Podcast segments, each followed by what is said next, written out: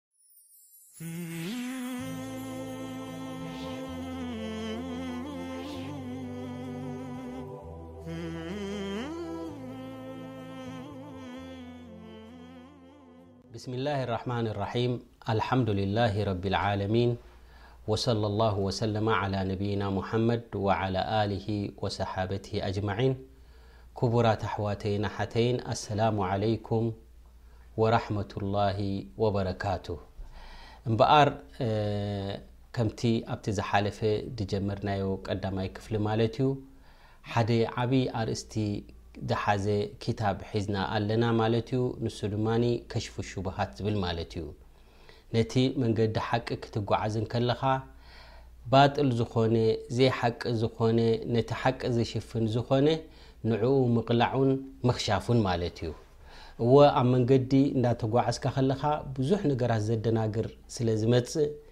ነቲ ዘደናግር ነገር ኩሉ እንተ ብሓቂ እንተ ፈሊጥካዮ ካብቲ ሓቂ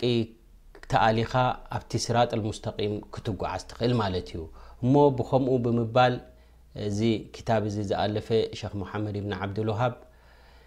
ኣልከሽፍ ሽቡሃት ወይ ከሽፍ ሽቡሃት ኢሉ ሰሚዎ ምክንያቱ እቶም ኣህል ኣብ ደላል ወይ ድማ ኣብ ጥፋኣት ደለዉ ተጻረርቲ ናይ ዳዕዋ ዝኮኑ ተጻረርቲ ናይ ተውሒድ ድኮኑ ነቲ ተውሒድ ድጻባእ ነገር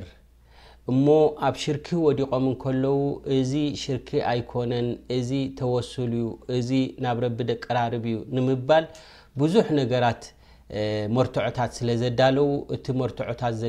ዘዳለዎ ሽብሃታት ደኣ እንበሪ እቲ ሓቂ ብሓቂ ክምለኽ ዘለዎ ኣላህ ስብሓነሁ ወተዓላ ስለ ዝኾነ እቲ ተውሒድ ሓቅነቱን እቲ ባጥል ዘምጽእዎ ድማ ንዕኡ ዝኸሽፍ ንዕኡ ዝገልጽ ክታብ እዩ ማለት እዩ ላኪን እንታይ ኢልና ሽቡሃት ብዙሕ ስለ ዝኾነ ቅድሚ ንሕና ነቶም ሰብ ሽብሃ ዘለዉ ምምላሶም ንሕና ንገዛ ርእስና ኣብዛ ሓያት ዱንያ እዚ ክንጓዓዝ እንከለና ኣብ ፈተነ ኢና ዘለና ንፍተን ኢና ዘለና እሞ እንተ ደኣ ኣብ ፈተነ ኣለና ኮይና ካብቲ ሽቡሃት እቲ ናብኡ ከይኑ ከይንወድቕ ወይ ድማ ካብ ሸሃዋት ድማ ናብኡ ኣእቲና ድማ ኣብኡ ከይነሕልፎን ቶባ ክንብልን ክንምለስን ድማ ናይ ግድን ስለ ዝኾነ ንስኻ ኣንታ ወዲ ሰብ ትፍተን ከም ዘለኻ እውን ምፍላጥ ኣገዳሲ እዩ ማለት እዩ።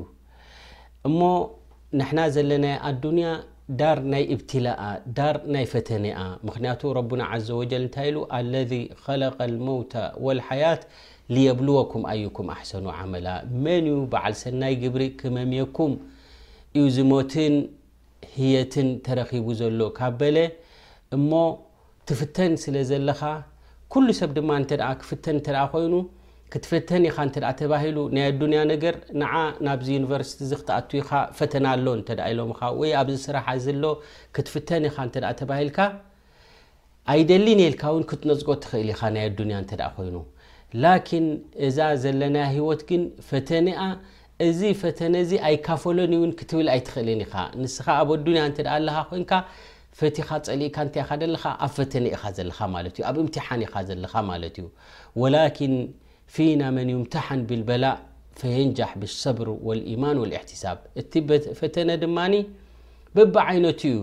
ገሊኡ ኣሎ በላእ ኣሎ መረድ ኣሎ ሕማም ኣሎ በብዓይነቱ ትፍተን ማለት እዩ ገለ ሰባት ኣለዉ ረቢ ዝወፈቆም ሰብሪ ገብሩ ኢማን ገብሩ እሕትሳብ ገብሩ ይሓልፉ ማለት እዮም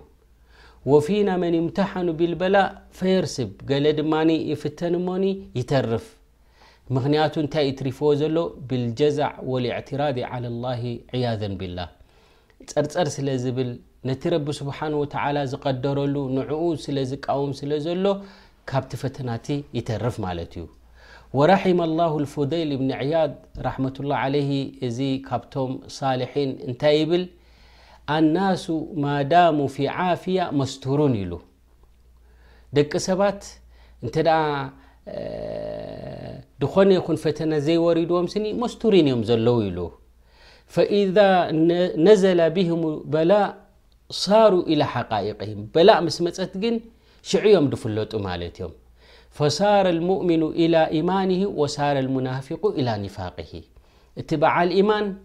በላእ ምስ ወረደቶ ሕጂ ኢማን ስለ ዘለዎ ኣብታ ቦታ ናይ ኢማን እዩ ዝምለስ ማለት እዩ ሊኣኑ ወሪድዎ ኣሎ እዚ ናይ ረቢ ስብሓን ወተዓላ እዩ እምትሓን እዩ ያ ረቢ ኣላሁማ ለከልሓምድ ረቢ ሰብሪ ሃበኒ ይብል ከምኡ ድማ ረቢ ስብሓን ወተዓላ ነዚ ወሪድዎ ዘሎ ንክቕንጥሉ ድማ ናብ ረቢ ይምለስ ማለት እዩ ሕጂ እንታይ ይገብር ኣሎ ሳብር ኣሎ ማለት እዩ በዓል ኢማን እዩ መስቱር ነይሩ በላእ ወሪዳ ሕጂ በዓል ኢማን ምዃኑ ተፈሊጡ ተመም እዩ ማለት እዩ እንተ ደኣ ኒፋቅ ዘለዎ ኮይኑ በላእ ክወርዶ ከሎ ድማ እንተ ደኣ ኸይር ረኺቡ ያኒ ከም ምስቲ ዲን ስለ ዘተሓሐዞ ረቢ ፈትኒ ጥራሕ እዩ ድብል ማለት እዩ እዚ እብትላኢ ኣይብልን እዩ ከምኡ ድማ ሸሪ ክወርዶ እንከሎ ድማ እዚ ጸርጸር ይብል ማለት እዩ ሕጂ እንታይ ይብል ፉደል እብኒ ዓያድ ፈኢዛ ነዘለ ብህም በላእ በላእ ምስ ወረዶም ሽዑ እዮም ዝፍለጡ ኢለ ሓቃኢቅህም ይብል እወ መስቱር ከለኻ ወላ ሓንቲ ጉድለት ዘይብልካ ኣይትምመይን ኢኻ ማለት እዩ ላኪን እታ በላእ ምስ ወረደት ሽዑ ኢኻ ትፍለጥ ማለት እዩ ስለዚ ኩላ ግዜ እምበኣረይ ኣነ ኣብ ኢብትላእ እየ ዘለኹ፣ ኣብ ኢምትሓን እየ ዘለኹ እንተ ትብል እንተ ኮይንካ፣ ናይ ኣዱንያ እቲ ቂማ ናታ እንታይ ምዃና ስለ ትፈልጥ ጸርጸር ኣይትብልን ኢኻ ማለት እዩ። ምኽንያቱ ኩሉ ናይ ረቢ ኢልካ ተስተስልም ስለ ዝኾንካ። ወሊሃዛ በላእ ወሪዱ ከም ድፍትነካ ኩሉ እውን ከም ድፍተን እነቢ ዓለይሂ ሰላቱ ወሰላም እንታይ ኢሎም ኣብ ሪዋየት ኣልቡኻሪ ኣሸዱ ናሲ በላእ ኣልኣንብያ ኢሎም። ዝያዳ ዝያዳ ዝፍተኑ ዝያዳ በላእ ዝወርዶም ስኒ ኣንብያ እዮም ኢሎም መዓኑ ኣንብያ ምሩፃት ኩለስ ረቢ ስብሓን ወተዓላ ዝመረፆም እዮም እንተኾነ ግን እንታይ ኮይኖም ማለት እዮም ንሶም እዮም ዝፍተኑ ثመ ኣምሰል ፈልኣምሰል ኢሎም ብድሕሪኡ ድማ ከከም ኢማን በ ብደረጁ ድማ ሰብ ይፍተን ማለት እዩ ምክንያቱ ኣዱንያ እንታይ ኣ ከምዝበልናዮ ዳር ናይ እምትሓን ናይ እብትላኣ ማለት እዩ ወሁና ኣምሩን የጅቡ ማዕሪፈትሁ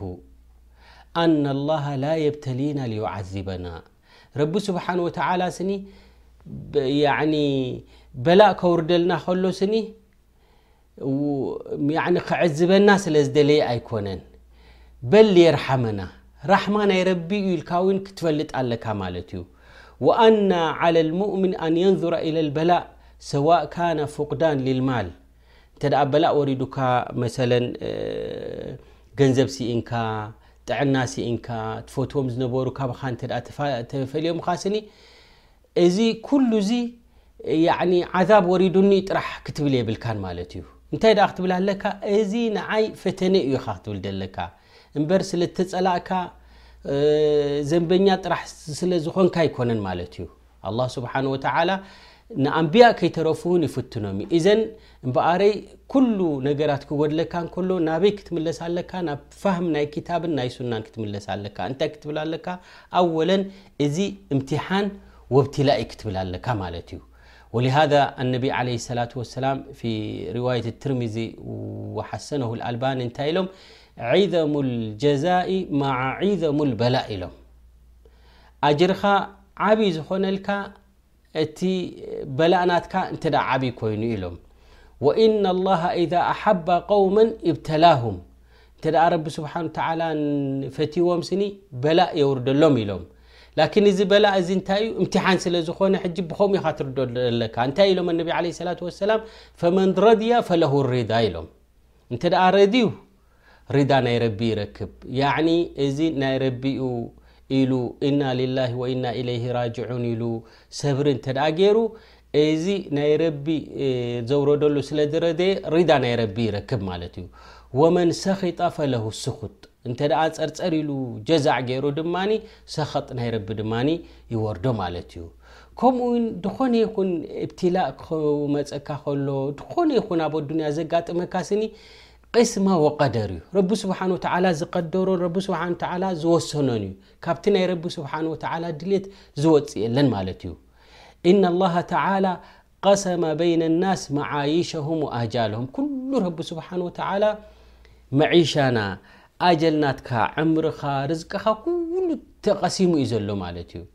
ስለዚ ክመጸካ እንከሎ ወላ ሽግር ይኹን ወላ ራህዋ ይኹን እዚ ናይ ረቢ ኢልካ ናብ ረቢ ጥራሕ ኢኻ ክትመልሶ ዘለካ ኣልሓምዱሊላህ ኢኻ ክትብል ዘለካ ማለት እዩ ወሊዛሊክ ረቡና ዓዘ ወጀል ኣብ ሱረት ዙኽሩፍ መበል ሰላሳን ክልተን ኣያ እንታይ ኢሉ ናሕኑ ቀሰምና በይነሁም መዒሸተሁም ፊ ልሓያት ዱንያ ኣብዚ ዱንያ እዚ ካብ ተወሊድካ ክሳብ ትመውት ኩሉ ነገራት ተጻሒፉ እዩ ዘሎ ኩሉ ነገራት ዘጋጥመካ ያኒ ንእሽተይን ዓብይን ኩሉ ተጻሒፉ እዩ ዘሎ ኢዘን ኩሉ ነገር ክመጸንካ ከሎ እንታይ ክትብል ኣለካ እዚ ቅስማ ወቀደር እዩ ክትብል ኣለካ ማለት እዩ ፈርዝቅ መቅሱም ርዝቂ ረቢ ዝቀሰሞ እዩ ወልመረድ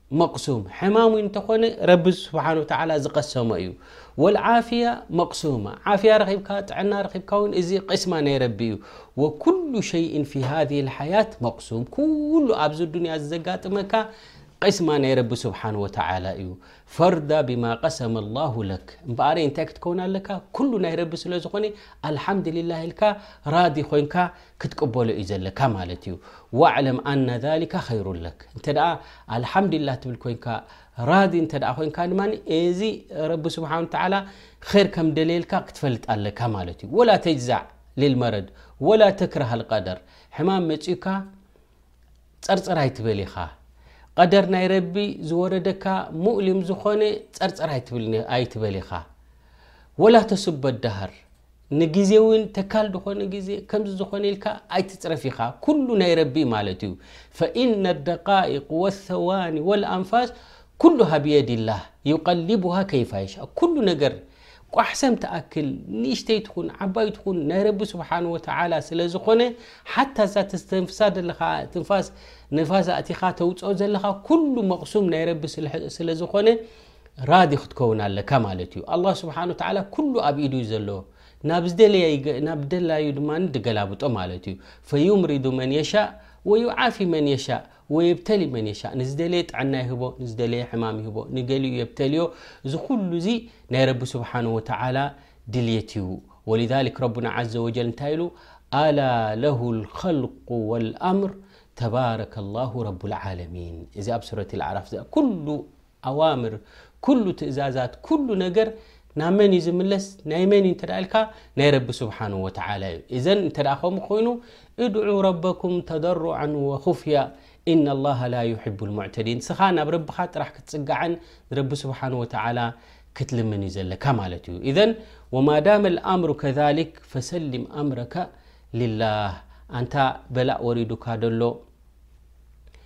እንተ ደኣ ጸገም ኣለካ ኮይኑ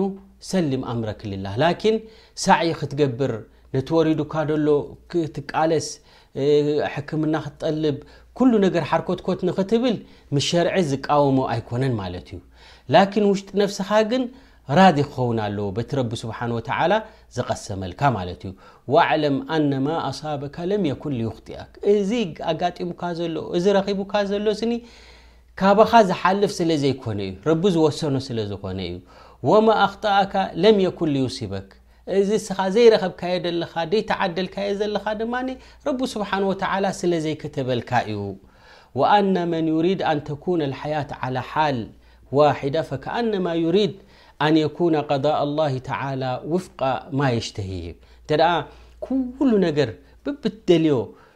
ያዕኒ ጥዕና ይኹን ሃብቲ ይኹን ውላድ ይኹን በቲ ትደልዮ እንተ ክኸይድ እንተ ትደልይ ኮንካ ግን እቲ ቀضእ ወቀደር ናይ ረቢ ስብሓን ተዓላስ ብናትካ ድልት ክኸይድ ኢኻ ትደልዮ ዘለኻ እዚ ከኣ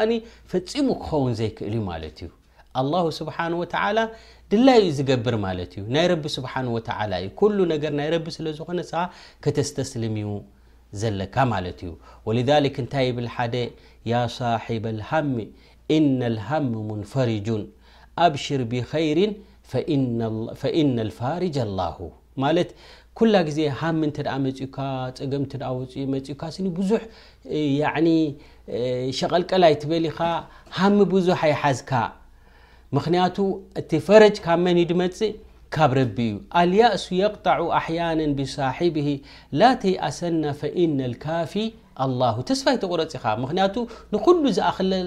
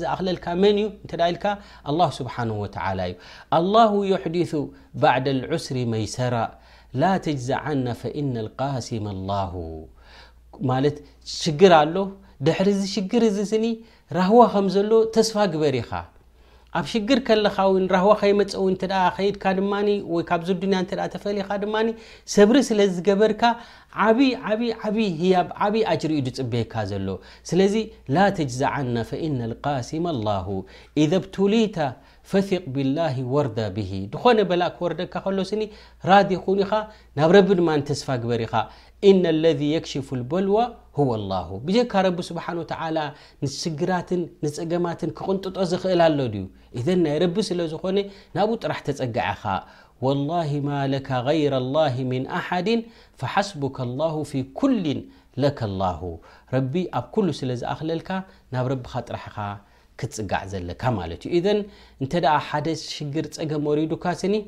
ብሓደ ሸነኽ ኒዕማ እዩ በስ እንታይ እንተ ኣማልዩ እዛ ሸርጢ እዚኣ እዛ ቅድመ ኩነት እንተ ኣማልዩ እንታይ ማለት እዩ ወኣየን ካነት ሃذ ልቅስማ ወሃذ ልእምትሓን ፈሁወ ኸይሩ ልልሙእምን ሙእሚን እንተ ኮንካ በዓል ላኢላሃ ኢላ ላ ትብል እንተ ኮንካ ስኒ ኩሉ ጸገማትን ራህዋን ንዓኻ ኸይር እዩ ጸገም ዝብሃል የብልካን ማለት እዩ ኣሃምሸ እታ ቀንዲ ክትከውን ደለዋ ኣብ ኢማን ዲኻ ደለኻ ኣብ መንገዲ ዲኻ ዘለኻ ንዑ ጥራሕኻ ክትጥንቀቐሉ ዘለካ ማለት እዩ ኸይር ተመጽዩ ኣልሓምድልላህ ንረቢ ስብሓን ወተዓላ ኣመስጋኒ ክትከውን ኢኻ ኸይር ክውሰኸልካ እዩ ማለት እዩ ገለ ሙሲባ እንተ ወሪዱካ እውን ሰብሪ እንተ ጌርካ እሕትማል እንተ ጌርካ ጀዛዕ እንተ ደይ ጌርካ ድማ እዚ እውን ንገዛእ ርእሱ ኸይር እዩ ማለት እዩ ወልዛሊክ ከምቲ ኩላትና ንፈልጦ ሓዲ